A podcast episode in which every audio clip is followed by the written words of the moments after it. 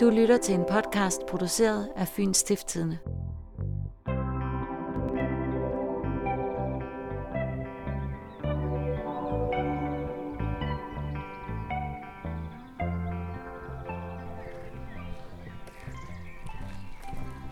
Hej.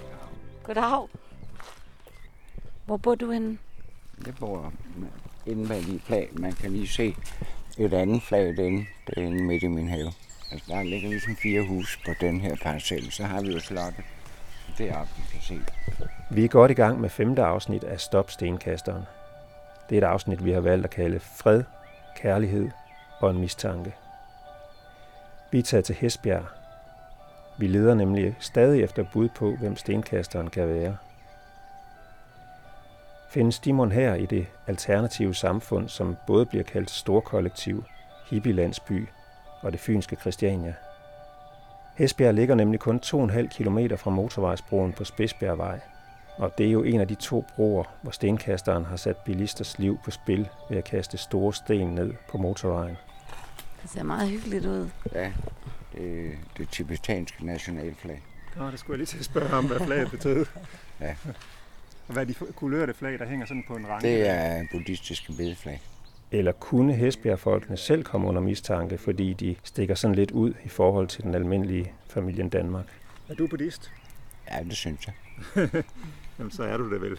Ja, det synes jeg. Det er jo ikke sådan, at jeg ligger og beder eller på den måde. Men jeg kan sagtens tilkendegive mig, at det altså, tilslutte mig øh, den buddhistiske tanke.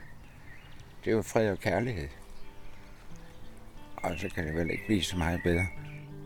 Gunnar Rosenkrantz her nærmer sig de 70. Han har masser af ringe i øreflipperne og en lædersnor om halsen med kulørte perler. Vi er her ikke kun for at snakke fred og kærlighed med Gunnar. Vi er her for at snakke stenkaster. Og i baghovedet lurer et tip, vi har fået af en mand, som har hørt, at nogle unge drenge tilbage i 80'erne kastede sten ned fra Spidsbjergbroen. Og det skulle være Hesbjerg-drenge. Tipperen vil ikke have sit navn frem, så vi havde egentlig droppet at gøre mere ud af det tip. For kan noget, der mest kunne ligne drengestreger fra 80'erne, virkelig have udviklet sig til drab? Det er svært at tro, når man står her og snakker kærlighed og buddhisme med Gunnar. Han inviterer os indenfor i sin have og viser os det hus, han selv har bygget. Wow. Ej, hvor er fint. Ja, det er hyggeligt. Vi spørger Gunnar, om han kender noget til stenkasteren. Jeg kender det jo fra avisen af. Jeg kender ikke rigtig noget til det. Det er jo hovedsageligt kun fra avisen. Og det er jo en grim sag. Det er rent forfærdeligt. Så det er kun godt, der bliver gjort noget ved det. Har du boet herude længe? Ja, det synes jeg. Jeg kom her i 1965, så det er jo lige et par dage siden. Er det sådan de senere år, jeg har hørt om de her stenkast, eller hvor- hvordan har det været? Jeg var selv i Nepal på det tidspunkt, hvor tingene skete. Og, og hørte, hørte det så, da jeg kom hjem. Så det i avisen. Så det er fra det tidspunkt, jeg kender det. Nu er det jo ret tæt på, at vi ved, at de sådan har været rundt i de områder, øh, hvor der er blevet kastet med sten fra bordet. Har, har der været nogen på besøg herude ved jer? Ja, politiet har været her.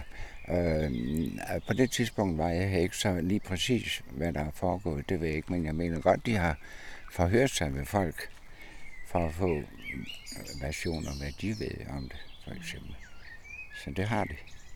Men det er ikke noget, I snakker om på jeres møder og sådan noget? Jo, jo, det har vi snakket meget om, fordi det er virkelig en ubehagelig ting. Meget ubehageligt.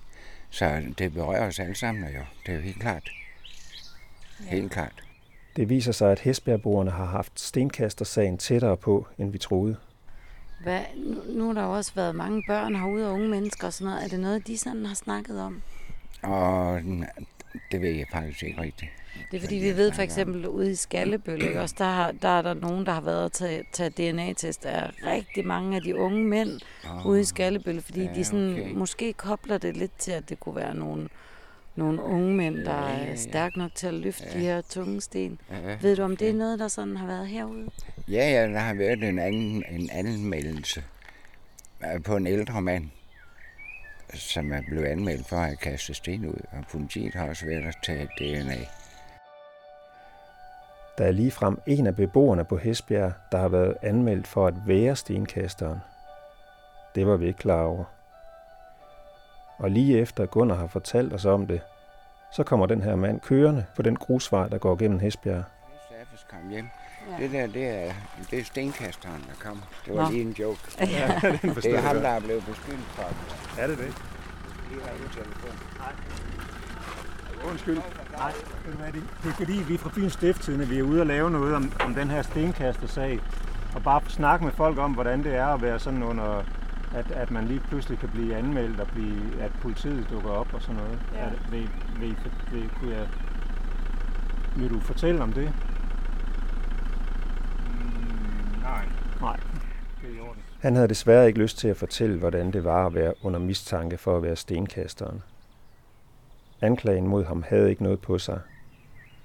Der var nemlig ikke noget DNA-match. Noget Gunnar og de andre beboere på Hesbjerg aldrig har været i tvivl om. Men altså, som vi alle sammen vidste på forhånd, at der var ikke noget match overhovedet. Det var bare en gal nabo, der ikke kunne lide ham, så han anmeldte ham bare. Var det en, en nabo herinde på Hesbjerg? Nej, eller var det var ikke nogen fra Hesbjerg, det er nogen uden for Hesbjerg, som havde anmeldt ham. Hvordan var det så, at politiet herude og så tæt på i virkeligheden? Ja, men det er ret ubehageligt. Men øh, han var da rystet sig konen med. Fordi øh, det sgu en grim beskyldning. Det synes jeg. I stikker jo sådan lidt ud i samfundet, fordi I bor på en anden måde.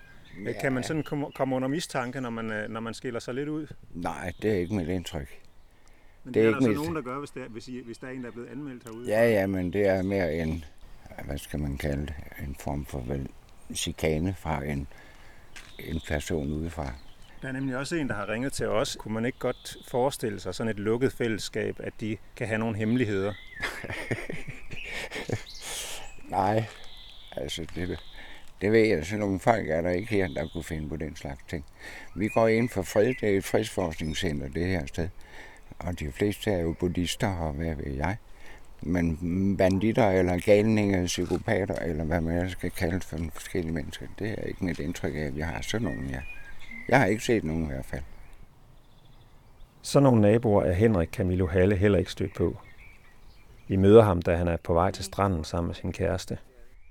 Gunnar fortalte, at der var, øh, at der var en, der var blevet anmeldt herude, men at det måske mest havde karakter af noget fjendskab. Har du hørt om det? Altså, jeg har hørt om det, og det tror jeg også, det mest har karakter af. Ja. Ja. Af fjendskab. Ja, ja. Altså, jeg kunne ikke forestille mig, at der er ikke... Altså, det kan godt være, at folk er mærkelige, men der er ikke nogen herude, som, som vil have den idé at, at ødelægge. Altså, tværtimod kan man sige, vi lever jo her, fordi vi gerne vil øh, lave noget økologisk og lave en god måde at leve på og ting og sager, ikke? Altså, så, så det er jo, hvad skal man sige... Vi holder jo af naturen og, og derved også af mennesker og, og, og dyr og altså... Det, det er kærlige mennesker, det er med hjertet fra, Det er nogen, der Forrest, ikke? tænker, at de hader motorvejen. Nej, nej, altså den, den har vi jo levet med. Altså jeg har boet her i 17 år, øh, og det er jo fint. Altså den, den, den, vi bruger den jo selv, hvis vi skal køre, ikke? Altså så, så selvfølgelig kan det larme lidt, men altså sådan er det jo. Det er jo vilkårene, kan man sige. Så, så det er jo ikke... Øh, og folk har jo biler herude, øh, så, så på den måde er der ikke en eller anden indæt modstand mod bilisme og motorveje og sådan noget. Nej, nej, nej, nej, nej, det er det absolut ikke. Nej. Men hvordan påvirker sådan en mistanke egentlig livet på Hesbjerg? Vi spørger Gunnar.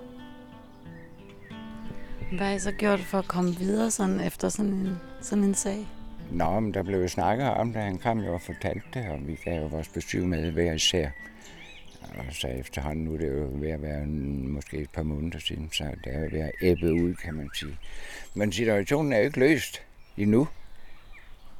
Og det er jo forfærdeligt, men det er jo for alle. Det er jo ikke bare her. Jeg tror, det må skulle være for alle dem, der skal køre på den motorvej. Det er jo det, man kalder russisk roulette på en måde, ikke? Og det Jo. er jo ikke noget, der er sjovt, tror jeg. Gør I noget sådan herude i forhold til at tænke over, om I kan, kan hjælpe politiet på nogen måde, eller gøre noget selv? Ja, hvis vi havde muligheden til at hjælpe på nogen som helst måde, så stod vi der øjeblikkeligt. Men jeg tror, jeg har lige så mange andre. Jeg aner ikke, hvem der kan finde på sådan noget der. Ellers har jeg været der. Det er jo klart. For længst. Hvem tror du, det er, der kan finde på sådan noget i virkeligheden? Jeg har ikke nogen idé om det. Ikke andet end det er et eller andet stakkels menneske, der må være syg inde i hovedet. Han kan ikke forestille mig. Det er ikke en normal handling. Nej, Det er ikke normalt at kaste tunge sten ned mod bilerne. Vi kører fra Hesbjerg med en lidt tom følelse. Hesbjerg er endnu et lille samfund, hvor frygt og mistanke går hånd i hånd. Akkurat som de gør i Skallebølle og Tarup, som vi tidligere har besøgt, og som får bilister på motorvejen til at skæve op mod broerne. Og det med, at nogle Hesbjerg børn skulle have kastet sten i 80'erne, tja, det er der vist heller ikke noget om. Vi snakkede også med en mand, som var barn på Hesbjerg i 80'erne.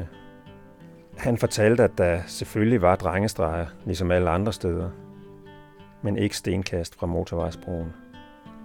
Vi kommer altså ikke tættere på stenkasteren i det her afsnit. Fyns politi bekræfter, at de også har kigget nærmere på Hesbjerg, men de siger, at det ikke har nogen interesse for nuværende, som de formulerer det. Vi står altså tilbage uden flere mistænkte, i stedet med flere, der er ofre, ofre for angsten. Vi står også tilbage med en bevidsthed om, at den lille uventede detalje kan føres tilbage på sporet af stenkasteren. Vi har nemlig talt med den tidligere drabschef for Rigspolitiets rejsehold, Kurt Krav. Vi har i flere sager oplevet, at, øh, at det mest ligegyldige og, og umiddelbart ubrugelige tip, vi har fået, at øh, der, der har gerningsmanden ligget begravet i.